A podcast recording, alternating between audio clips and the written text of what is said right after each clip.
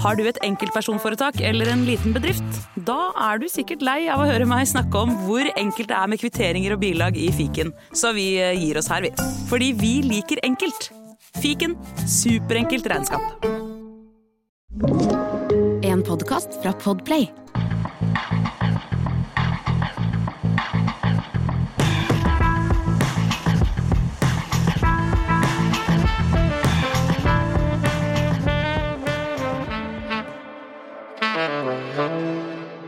Velkommen til premieren av Fredrik Resvik uredigert.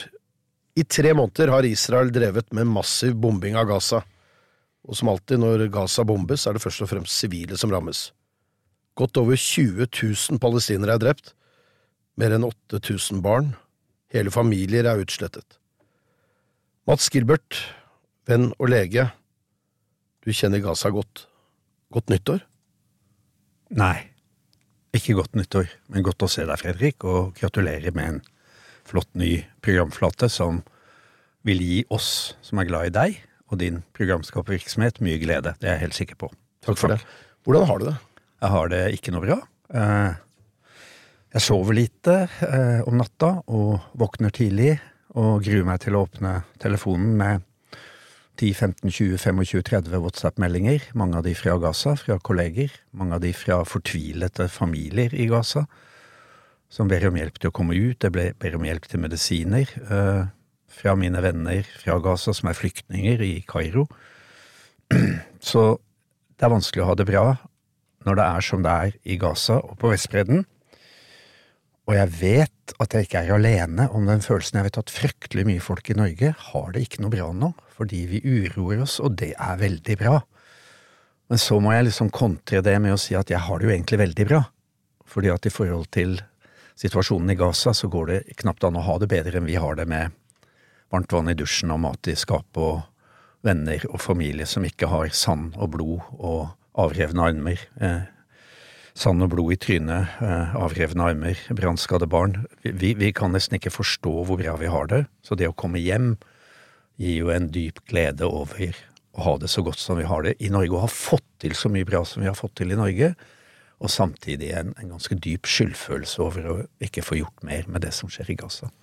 Når det gjelder tapstallene, så skal jeg ta noen forbehold her. Og de forbeholdene er nok ikke slik som mange av de som lytter på nå tenker seg at det skal være. Fordi veldig mange av eh, de stemmene som er kritiske mot palestinerne, de mener at uh, tapstallene er for høye, og at Hamas lyver om det. Vi har sett på de tidligere krigene at tapstallene som palestinske helsemyndigheter har rapportert inn, palestinske leger har rapportert inn, de stemmer. Det har vi fått verifisert etterpå. Det er ingen grunn til å tro at Hamas skulle lagt seg på noe annet denne gangen og tvunget palestinske helsemyndigheter og leger til å komme opp med nye tall. Jeg snakket med en god venn, Najib, som er journalist i Gaza, produsent, eh, for litt siden, og han sa til meg at Fredrik, jeg vil bli overrasket om ikke tapstallene er minst dobbelt så høye. Fordi de har ikke maskiner, de har ikke brukt tid og energi de ikke har til å forsøke å grave ut de som ligger begravd i ruinene. De har tatt de som har ligget på toppen, i håp om at de kan klare å redde liv. Det har ikke vært om å gjøre å få ut eh, de døde. Ikke ennå. Så tapstallene kan altså være veldig mye høyere. Du kom ikke inn på Gazastripen nå. Dette er du vant til. Dette har skjedd tidligere. Israel eh, frykter deg og din stemme. Det vet vi. Og det har de jo grunn til å gjøre, fordi vi husker under krigen i 2008-2009, hvor du og Erik Fosse, også lege, var inne på Gazastripen, og vi journalister som sto på utsiden, ble nektet adgang av Israel, og så ble dere sannhetsvitne der inne. Hva tenker du om at du ikke har fått komme inn nå? Nei, jeg oppfatter det som et, eh, et av mange forsøk på å skjule hva som skjer. Trekke ned gardinene og la det skje i mørket bak verdens øyne. Eh, helt systematisk. Eh, det er jo ingen vestlige journalister som har sluppet inn, bare de som har vært villige til å skrive under på kontrakt med den israelske okkupasjonshæren, med embedding, som jo alle journalister med anstendighet sa at det, det slutter vi med etter Vietnamkrigen. Da amerikanerne oppsummerte at journalistenes formidling av bildene fra Vietnam var den viktigste årsaken til at Vietnamkrigen tok slutt, i tillegg til også selvfølgelig vietnamesernes motstandskamp. Men eh, de slipper altså ikke inn vestlige journalister. De dreper for fote arabiske journalister, spesielt palestinske. Jeg tror det siste tallet nå er 101 drepte palestinske journalister og arabiske journalister i Gaza. Når, når, du kom inn her, så spurte du meg hvor, hvor er våre protester, altså norske journalister sine protester mot dette. De har vært ganske lavmælte, men jeg håper at uh, vi blir tydeligere nå, samlet. Ja, det er å håpe. Alt har jo vært lavmælt i Norge. Vi skryter jo av at Norge har vært outstanding i forhold til EU. Det er ikke mye å skryte av, for EU har jo vært katastrofalt eh, prinsippløst støttende til denne angrepskrigen. Eh, jeg syns det har vært forbløffende, foruroligende stille fra norske journalister, og ikke minst fra de store mediehusene, NRK, VG, Aftenposten, som, som på en måte bare forbigår i en slags taushet at journalister, byråsjefer, fotografer systematisk ikke bare myrdes, men skades, ligger og blør i hjel. Fotografen til byråsjefen til Al Jazeera døde fordi de ikke slapp fram ambulansene. Hadde det vært 101 vestlige journalister fra BBC og CNN og NRK som var drept av russiske styrker i Ukraina, du kan ta deg faen på at vi hadde hørt det og at det hadde vært iverksatt tiltak og høylytte protester og krav om pressefrihet. Men tilbake til at jeg ikke slipper inn. Det er jo også nesten ingen vestlige leger som slipper inn. De få som har sluppet inn, de få teamene som har sluppet inn, de får ikke snakke. De er helt tause. Eh, og kontrollen med alt som slipper inn i Gaza er 100% fra okkupasjonsmaktens side. Det gjelder alt fra leger, eh, mediker, ambulansepersonell, eh, medisiner, mat. Alle trailerne kontrolleres av okkupasjonshæren, og de tar ut det som de kaller for dual use, som de israelerne altså definerer som at kan brukes både militært og sivilt.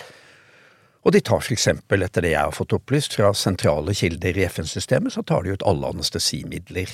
Og så, etter denne kontrollen, så slipper da i gjennomsnitt et par og tjue trucks i døgnet inn i Gaza. Normalt er det mellom 500 og 700 eh, lastebillass som må til for å holde normallivet i gang i Gaza. Og når man da er på 20 i snitt, så skjønner alle at dette er en brutal blokade.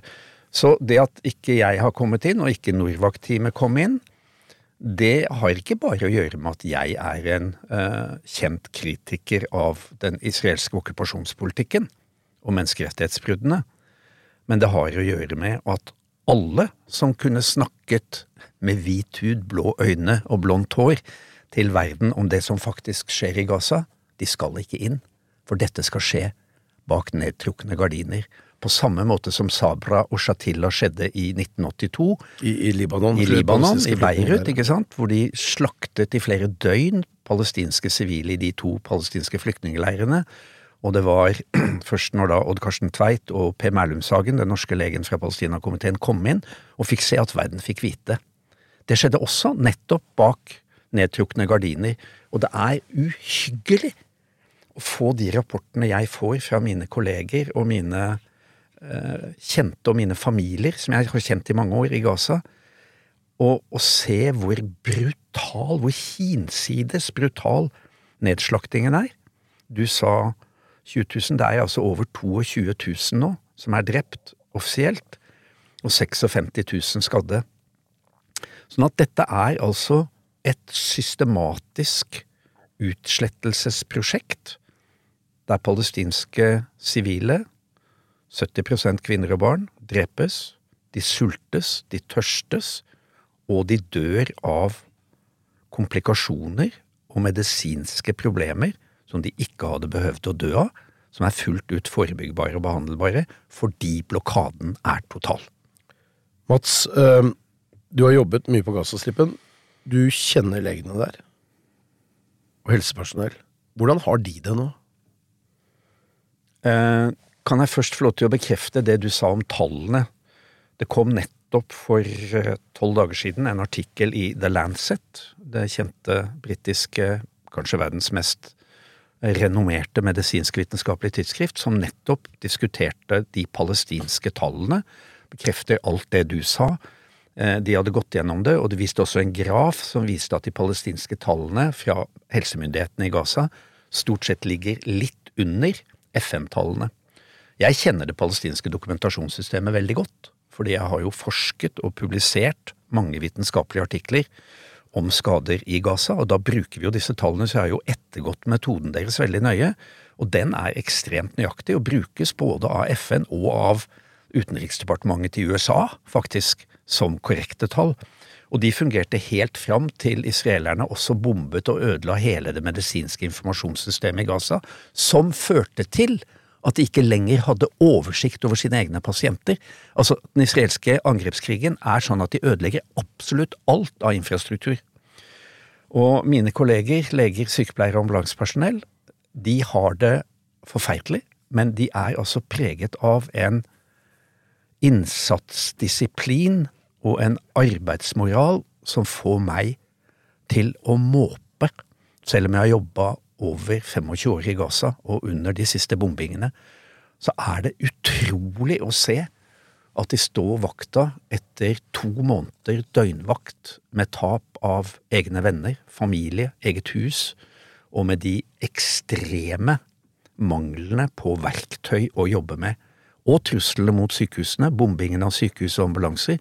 De lever i livsfare, mange av dem er arrestert, over 100 er forsvunnet, og over eh, det siste tallet på eh, drepte helsearbeidere er vel eh, uh, 300, tror jeg, hvis jeg ikke husker feil, over 100 leger. De har det forferdelig, men de gir seg ikke, og de er for meg det moralske kompasset for verden i dag. Nemlig mennesker som prioriterer andres liv fremfor sitt eget. Mennesker som vet at de har en moralsk plikt til å slåss for menneskelivet, og faktisk gjøre det med risiko for eget liv, i en situasjon hvor de fleste av oss ville nok ha brutt sammen. Du har selv jobbet eh, i Gaza når Gaza har vært utsatt for angrep. Eh, I, I 2012 så var vi der begge to. Da fikk jeg også husly hos deg fordi hotellet mitt ble bombet. Så jeg trengte et sted å bo. Jeg var heldigvis ikke til stede når det ble bombet. Um, Når du jobber der, og har vært der, og ser hva slags skader som kommer inn, hva slags skader er det? Altså hvordan En ting er de drepte. Vi, vi, er, vi får jo ikke se bildene av dem, fordi de er rett og slett for grusomme til å vise offentlig, eller i, i mediene. Men, men, en del har sett via sosiale medier sett uh, hvordan disse skadene kan være, og hvordan de døde ser ut. Altså, det er jo folk som blir sprengt i filler, bokstavelig talt. Hva slags skader er det du har sett når du har vært på sykehuset? Hva slags skader er det kollegene dine i Gaza forteller om? Siste gangen jeg var i Gaza, var i juni eh, i, i, fjor. Da var jeg der og underviste og, og, jobbet med kreftomsorgen sammen med mine palestinske kolleger. Da var det jo ikke bombing. Eh, men eh, jeg har en eh, ganske rikholdig katalog av minnebilder fra skadene. Og, og jeg har bare lyst til å si det at vi, vi får ikke se de verste, sier du. Det, det, er ikke helt riktig, for i dag så kommer jo også de verste skadene så å si sekunder etter at de blir gravd fram.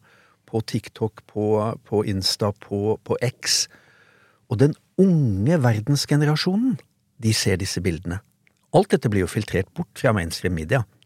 Det vises jo ikke av, en eller annen absurd hensynstagen til leseren og seeren så sitter altså redaktørene i NRK, VG og Dagbladet og, og så videre og sier nei, dette er, dette er for alvorlig til å vises. Og det er jo en frykt for at folk vil skru av dem.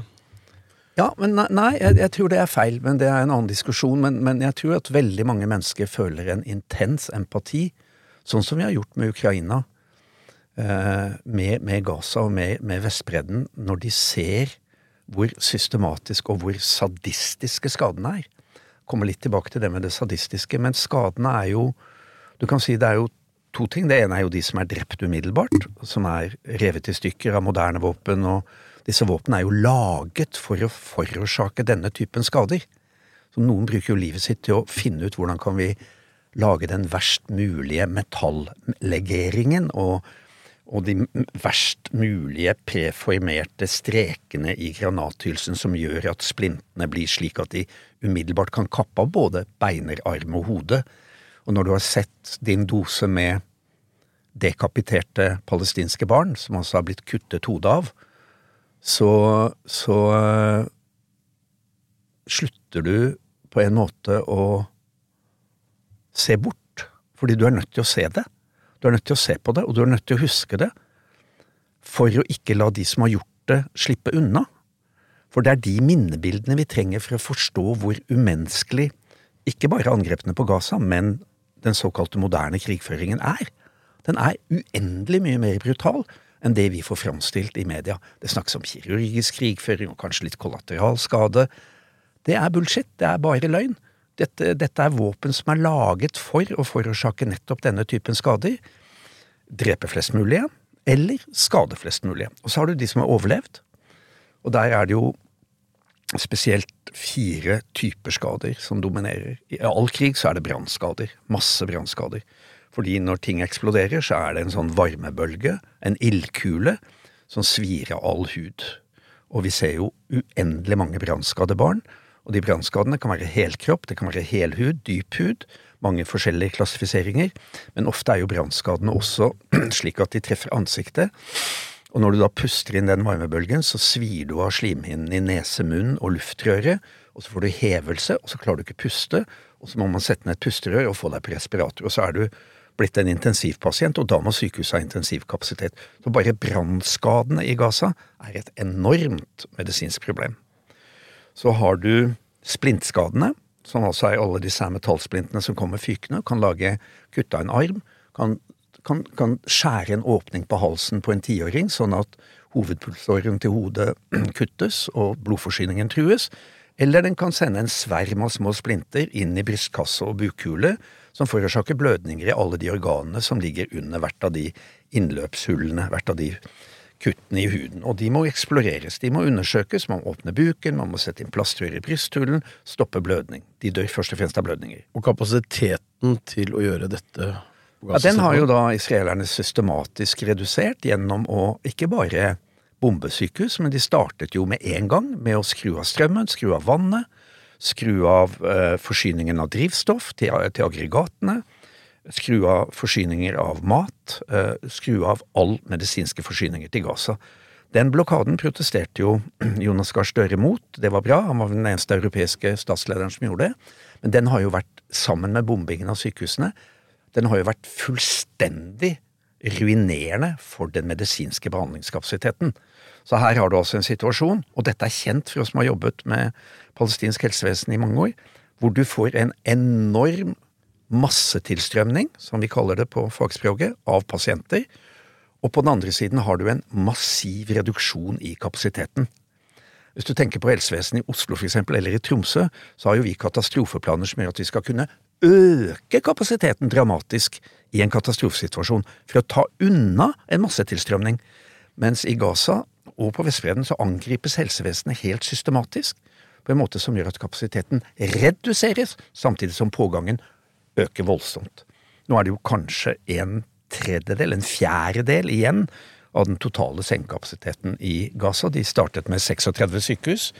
34 av dem fungerte rimelig bra nokså redusert på grunn av 16 år med blokade, men nå er det jo nede i, jeg tror det er totalt seks fungerende palestinske sykehus av 34, som følge av illegale israelske systematiske angrep.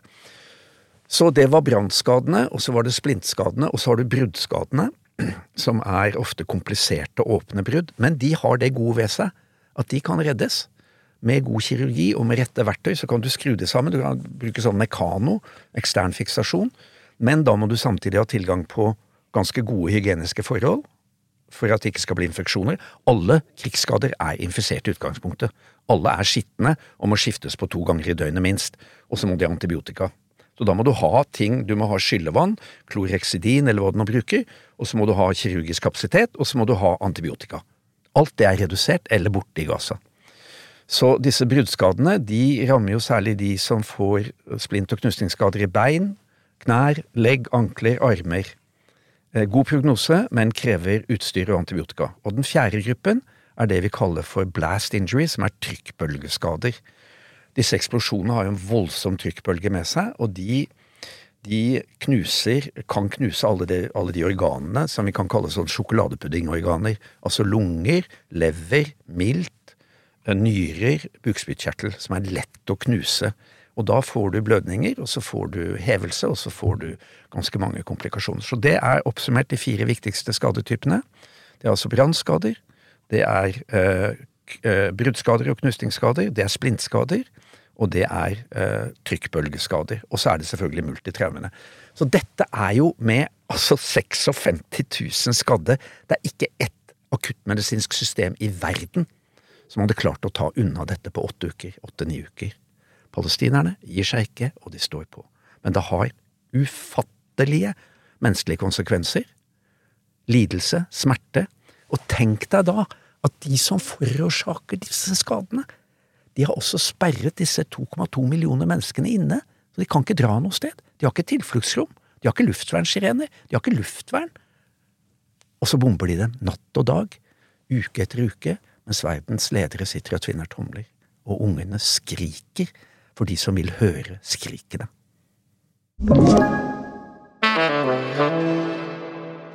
Mats, du viste meg, når du kom inn her, en eh, video du har fått fra Gaza. Ja, jeg kan, jeg kan, vise deg to videoer. Det første er av en av disse typiske uh, splintskadene. Det er en unge på kanskje tre kvart år. Og her ser du at uh, doktor K, min gode kollega, prøver å stelle med å få oversikt over den skaden. Det er altså en, en hånd, liten barnehånd, som er revet helt i stykker. Og de jobbet i flere dager med å prøve å berge den hånden. Og selvfølgelig gir de smertestillende så langt de kan, men de har så lite av det på grunn av blokaden. Den andre som jeg viste deg, var vesle Yamen. Og Yamen, han var ti år gammel. Han bodde i eh, familiens hus sammen med mamma og pappa og eh, fem søsken. Eh, de ble bombet rett før julaften. Pappa og mamma ble drept, storebror, storebror ble drept, eh, og han og de tre andre søsknene ble brakt inn til Al-Aqsa-sykehuset. Eh, Yamen hadde fått sånn trykkbølgeskade, så begge lungene hans klarte ikke oksygenopptaket, så han ble lagt på pustemaskin. Ufattelig flinke palestinske leger, og det er de palestinske legene som gjør jobben. Det er ikke de, de hvite bistandsarbeiderne, de er noen få, og de er helt i sør. Men Al-Aqsa-sykehuset har klart å holde funksjon hele tiden. Så Yamen ble lagt på respirator. Så ble det tatt hull på halsen hans, trakeostomert fordi han ble liggende så lenge.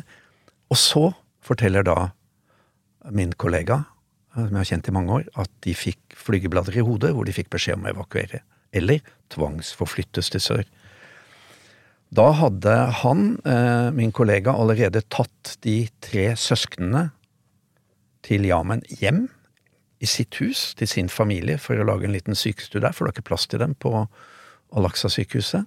Og de måtte da dra til Rafa, og så måtte de la Yamen bli igjen på intensiv på Al-Aqsa. Og denne lille videoen viser da at uh, min venn, kollega dr. K, han tar avskjed med og forklarer Yamen.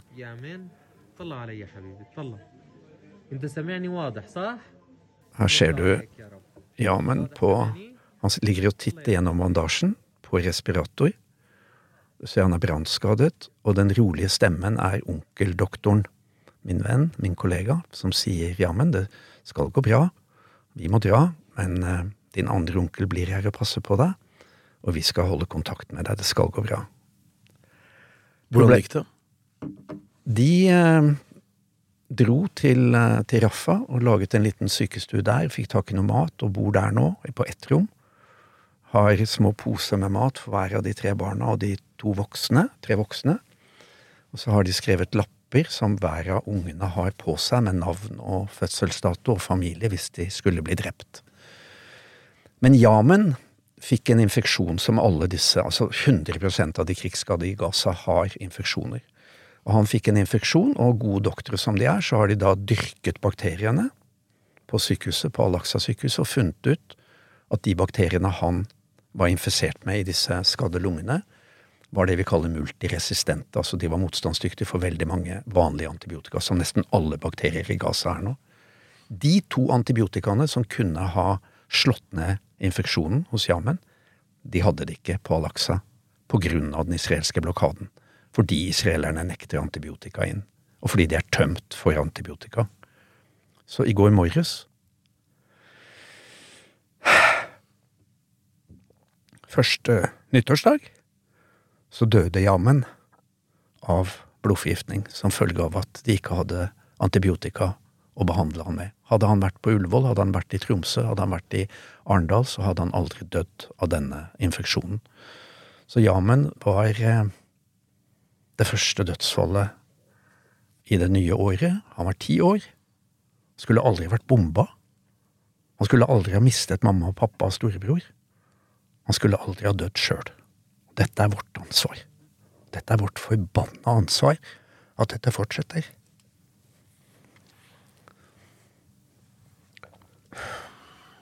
Mats, eh, det er også slik at eh, på Gazastripen så er det vanlige pasienter. Det er kvinner som skal føde og få komplikasjoner. Det er eh, kreftpasienter, det er folk som trenger dialyse. Hvordan, hvordan går det med de? Nei, det er jo et kjempeviktig spørsmål du tar opp, fordi at i en befolkning på 2,2 millioner, altså det er jo omtrent halvparten av Norges befolkning, så er det jo som du sier, det er vanlige sykdommer. Det er høyt blodtrykk, det er psykiatri, og man kan jo bare tenke seg hvordan det er for eksempel å ha en, en psykose i Gaza under disse forholdene. Det eneste psykiatriske sykehuset i Gaza er bombet. Det ble bombet ganske tidlig og er tømt. Eh, det er pasienter med diabetes, og det er veldig mange sukkersyke pasienter i Gaza. Det har noe å gjøre med blokaden og kostholdet. Mosjonsmulighetene. Det er en prevalens, en forekomst på over 15% så det er til enhver tid eh, mange tusen uh, insulinavhengige diabetikere. Mange av dem er veldig unge. og Jeg kjenner flere av, flere av de som har vært mine medisinstudenter. De har selv diabetes og er aktive i diabetesomsorgen, og de er fortvilet nå fordi kuldekjeden som du må ha, som altså er kuldeoppbevaringen av insulin, den fungerer ikke. Både fordi det er mangel på strøm, og det er mangel på kjøleskap, og det er mangel på logistikk. Sånn at de har ikke insulin. Så har de gått over til sånn uh, blanda insulin som krever omregning. Så uh, det er mange rapporter om diabetikere som kommer i så dype diabeteskoma at de dør før de kommer til sykehuset eller på sykehuset. Så er det kreftpasientene, ca. 2000 kreftpasienter. Um, de var i all hovedsak de som var, hadde behov for innleggelse for behandling de var på det som heter det tyrkiske vennskapssykehuset, eller Gaza kreftsenteret midt i Gaza. Det sykehuset kjenner jeg veldig godt, for jeg har jobbet de siste tre årene sammen med doktor Sobiskeik og helseminister Josef eh, Aborish eh, for å få på plass stråleterapi i Gaza. Tenk det! 2,2 millioner mennesker med minst like mye kreft som vi har. De har altså ikke fått lov til av okkupasjonsstaten Israel å ha stråleterapi. Så de må dra til Vestbredden for å få sin stråleterapi på Augusta Victoria-sykehuset, palestinsk sykehus i Jerusalem. Og da må de ha tillatelse fra de israelske okkupasjonsmyndighetene for å dra for å få kreftbehandling. Og det får de jo ikke nå, antageligvis. Nei, men før dette startet, så var det bare seks av ti som fikk utreise. 40% av søknadene ble avslått, og WHO har nettopp publisert en studie som viser at det er altså signifikant høyere dødelighet, selvfølgelig, blant de som ikke får stråleterapi. Hvordan avslår man en søknad om kreftbehandling? Ja, Det får du spørre selerne om. Det er helt absurd. Og dette er jo en del av dette systematiske presset på befolkningen i Gaza som har vart i 16 år. Så det som vi ser nå, det startet ikke 7. oktober. Det startet i 1948, og så har det fortsatt og fortsatt. Og forverringen startet jo i 2006-2007 når blokaden av Gaza ble innført, som har vart altså i 16 år, og som har rammet alle sider av helsevesenet. Men kreftpasientene De 70 som var på The Turkish eh, Friendship Hospital, de oppdaget da, og det var vel den 30. oktober, så kom landinvasjonen med israelske tanks, omringet sykehuset, og så begynte de altså å skyte på kreftsykehuset, fullt av folk. 70 pasienter, stab, dr. Sobiskaik, som er en meget nær venn og en mentor for meg, var der med sin familie, de hadde søkt tilflukt der. Og så var det vel 18 pasienter fra Skiffa som var evakuert dit med krigsskader for å avlaste Skiffa. Alle de måtte i hui og hast evakueres fordi de israelske Mekava-tanksene skjøt da i flammer de to øverste etasjene på kreftsykehuset. Men verre enn det, det betød at det ikke lenger er kreftbehandling i Gaza. Det har det ikke vært siden 1. november. De mangler også kreftmedisiner, og de mangler mulighet til å gi cellegift, fordi cellegift må blandes på en spesiell måte. Allerede dagen etter begynte kreftpasientene som hadde vært eh, pasienter på sykehuset, å dø, fordi de da ikke fikk sin livsviktige cellegift og tilleggsbehandling. Og i løpet av de neste ukene så døde en god del av de kreftpasientene. Nå har vi ikke tall på hvor mange som har dødd som følge av mangel på kreftbehandling, men vi vet at de 70 som var innlagt, og de 2000 som har en kreftdiagnose, de får per dato ingenting. Du snakket om psykiatri i sted. Hva slags mentale skader tror du Gazas befolkning blir øh, eksponert for nå? Jeg har alltid vært ganske berørt av hvor sterke palestinerne er. Og jeg er ikke tilhenger av å bare beskrive dem og karakterisere dem som lidende og hjelpeløse, for det er de ikke. De er utrolig sterke, og det aller viktigste for overlevelse, også med tanke på vett og forstand og mental helse, det er familien. De viktigste faktorene, og dette har vi solid forskning på nå, nyere forskning fra Gaza, fra Vestbredden og fra flyktningleirene i, spesielt i Libanon, det viser jo hvilke faktorer som er det vi kaller resiliensfaktorer. Styrkefaktorer for at barna spesielt skal klare seg og ikke bli rapegale og ikke få all verdens langtids uh, mentale problemer. Og de faktorene, det er familien, familienettverket og egen kultur og språk. Det andre er uh, gudstrua. Og jeg har lyst til å nevne Arthur Arntzen, han sa jo, Oluf, han sa jo alltid at fattigdommen og krigen i Nord-Norge, det, det, var to ting befolkningen overlevde på, og det var gudstrua og humoren. Og du har mye av det samme i Gaza. Så gudstrua er svært viktig for de aller fleste islam, for noen kristendom, og noen katolikker. Og så er det det større så er det det større perspektivet. Det er Palestina. Og det er utrolig mye viktigere for den palestinske befolkningen enn vi, de fleste av, av oss, har forstått. Eh, fordi de, de hadde et land. De eide jorda.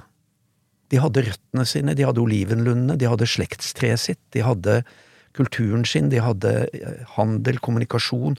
Palestina var fra Gå tilbake til 1920. Så var det, det var et velorganisert samfunn, og så plutselig bestemmer verden seg for å dele det i to og gi bort halvparten til et land som ikke har eksistert før. Og de må da avfinne seg med ikke bare at de mister halvparten av landet sitt og hjemmet sitt under Nakba i 48, men de må også avfinne seg med at denne okkupantstaten utvider og utvider og utvider, og stjeler mer og mer i land, og flytter inn mer og mer av sin egen befolkning i det okkuperte land som er helt forbudt. Sånn at de har, det, de har det vanskelig, men de har også en veldig sterk patriotisk tro på at dette skal de klare.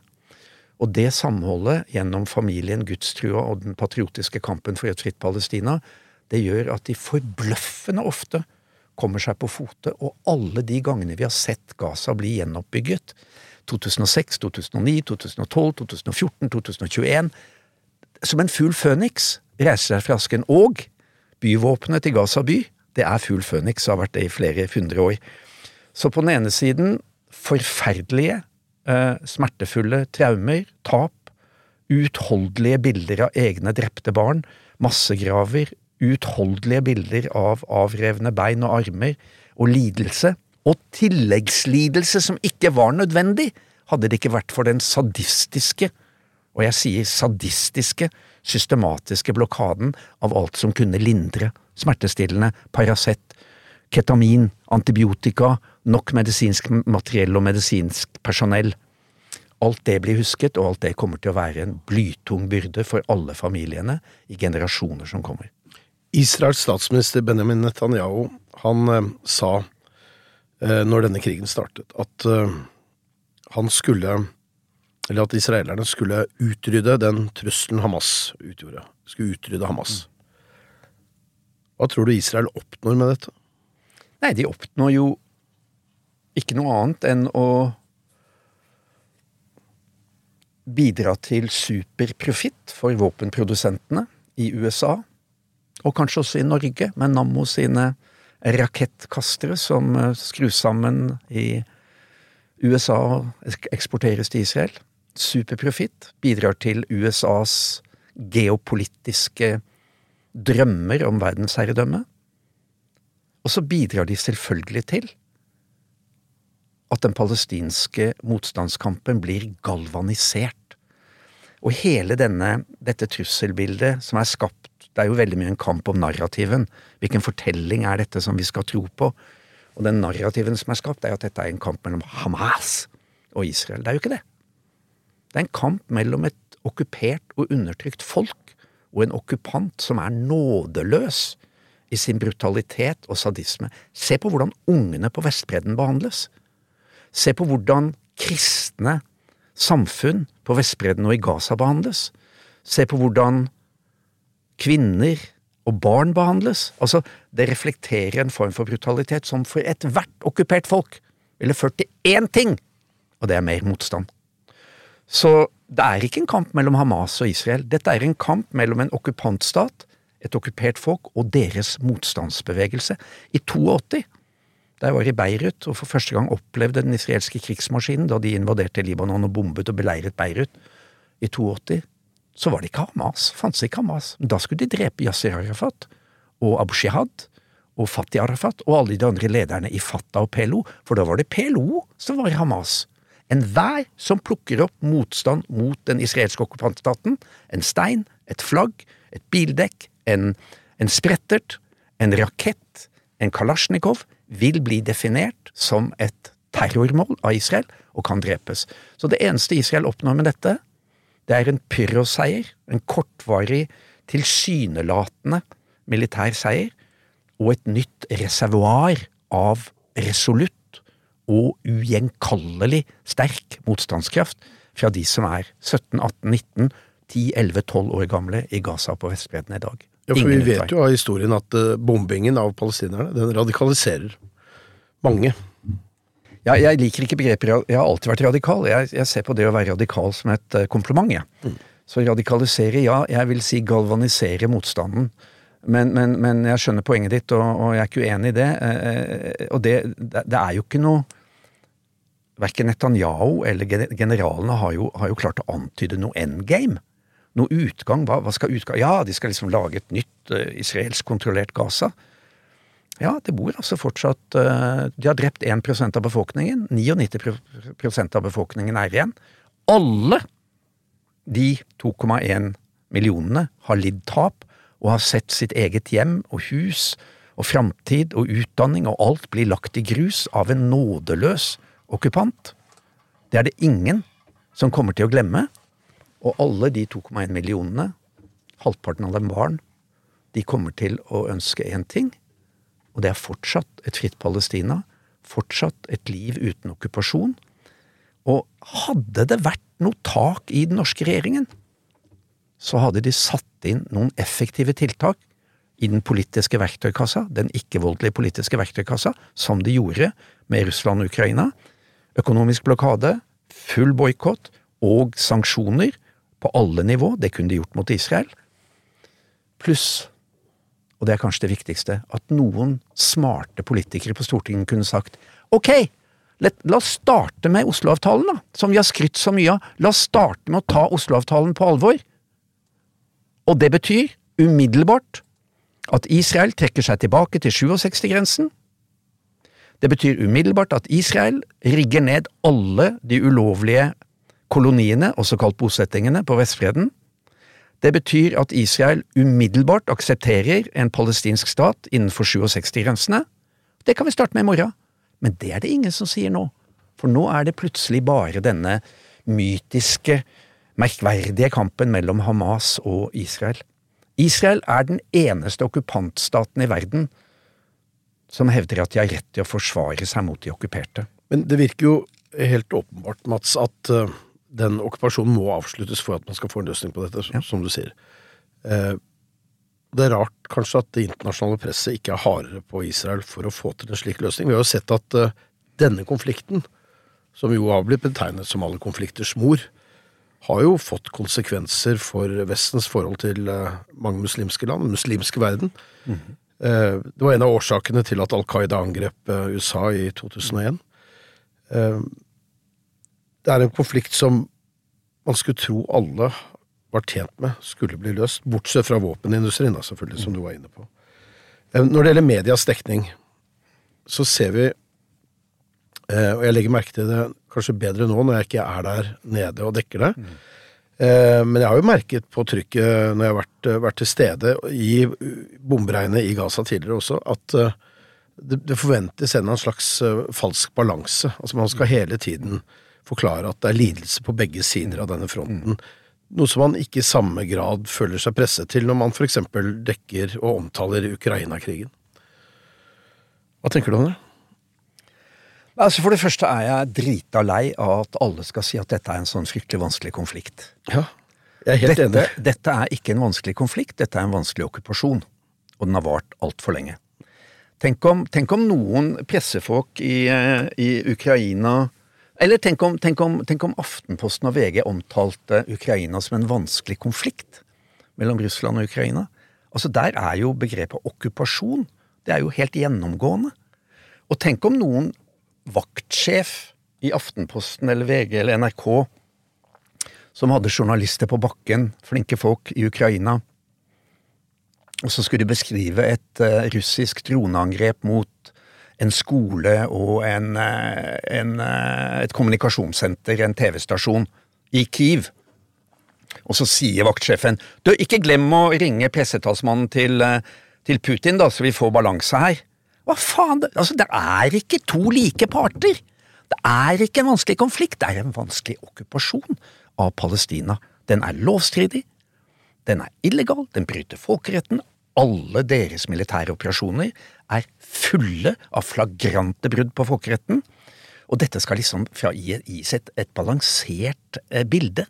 Hva, hva, er det? Altså, hva er det? Hvilket grep er det staten Israel har på norske medier som gjør at det til enhver tid lages noen hybride, merkverdige, konstruerte krav om balanse i forhold til en, en okkupantmakt som er kanskje mer brutal enn vi har sett noen gang de siste par hundre årene. Så dette mediale, dette mediale eh, narrativet om at dette er en vanskelig konflikt, den, den, gjør jo at lesere, opinionen, befolkningen i Norge, får et veldig skeivt bilde. Som om dette var en, en likeverdig kamp mellom, mellom to, folk, to, to, to elementer, to hærer, to, politiske uh, energier som, som, var likestilt på en måte, og hvor den ene var snill og den andre var slem. Um, hele den narrativen er vi nødt til å slå høl på, og vi er nødt til å si at vi faktisk krever mer direkte, oppriktig og uh, unbiased rapportering. Og det ser jeg i arabiske medier. Jeg har jo Senest i går kveld var jeg på arabisk Al Jazeera og alle de arabiske mediene, afrikanske medier, eh, egyptiske medier, sørafrikanske, jeg har vært i alle, de har jo en helt annen dekning. Mye mer på linje med den europeiske dekninga av Ukraina av Russland. Eh, og, eh, og, de vil jo aldri stille Altså ikke så forsiktige som det For det første ikke så forsiktig, for det andre mye mer direkte på å vise brutaliteten i angrepene, men også uten dette absurde kravet om at Israel alltid skal få lov til å kommentere. Og motstanden er ikke det er ikke Hamas mot Israel, det er det palestinske folket mot den israelske okkupanten. En lærer, en lege, en taxikjører, en ambulansearbeider, de sier vi er en del av motstandskampen. Fordi det er en folkelig motstand, akkurat som vår folkelige motstand var brei og mangefasettert og veldig rikt sammensatt da vi var okkupert i fem år. Mats, helt til slutt, hva vil Gaza være etter dette? For det tar jo slutt på et eller annet tidspunkt. Nei, jeg har ikke noe krystallkule. Jeg vet bare at uh, Gaza skal overleve. Fordi dette er nemlig ikke et angrep på palestinerne eller på Hamas eller på, på Gaza. Dette er et angrep på oss alle. Fordi dette truer hele den humanistiske plattformen som vi ønsker at verden skal stå på. Dette truer hele konseptet om en verdensorden av en eller annen type, hvor på en måte verdenspolitiet ikke er militærmakt, ikke er USA, ikke er Russland, ikke er Israel, men er FN, er Unicef, er Verdens matvarefond, er Verdens helseorganisasjon som sier sånn vil vi ha det, og sånn vil vi ikke ha det, og da må dere oppføre dere. Nå er vi i ferd med å se, nå er vi ikke bare i ferd med å se, nå skjer det en total oppløsning av alle de viktige konvensjonene som ble skapt etter annen verdenskrig, fordi vi ikke ville ha lovløsheten som militærmakta gir til å drepe sivile og ødelegge hele samfunn. Nå gjelder ikke Genévekonvensjonen, nå gjelder ikke Haagkonvensjonen, nå gjelder ikke Barnekonvensjonen, nå gjelder ikke menneskerettighetserklæringen for palestinerne. Så dette er et angrep på oss alle, og alle må nå se seg i speilet om morgenen og si hva kan jeg gjøre i dag for å endre dette, og for å sikre at ikke vi går til helvete alle sammen. Mats Gilbert, tusen takk for at du kom. Takk for at jeg fikk komme.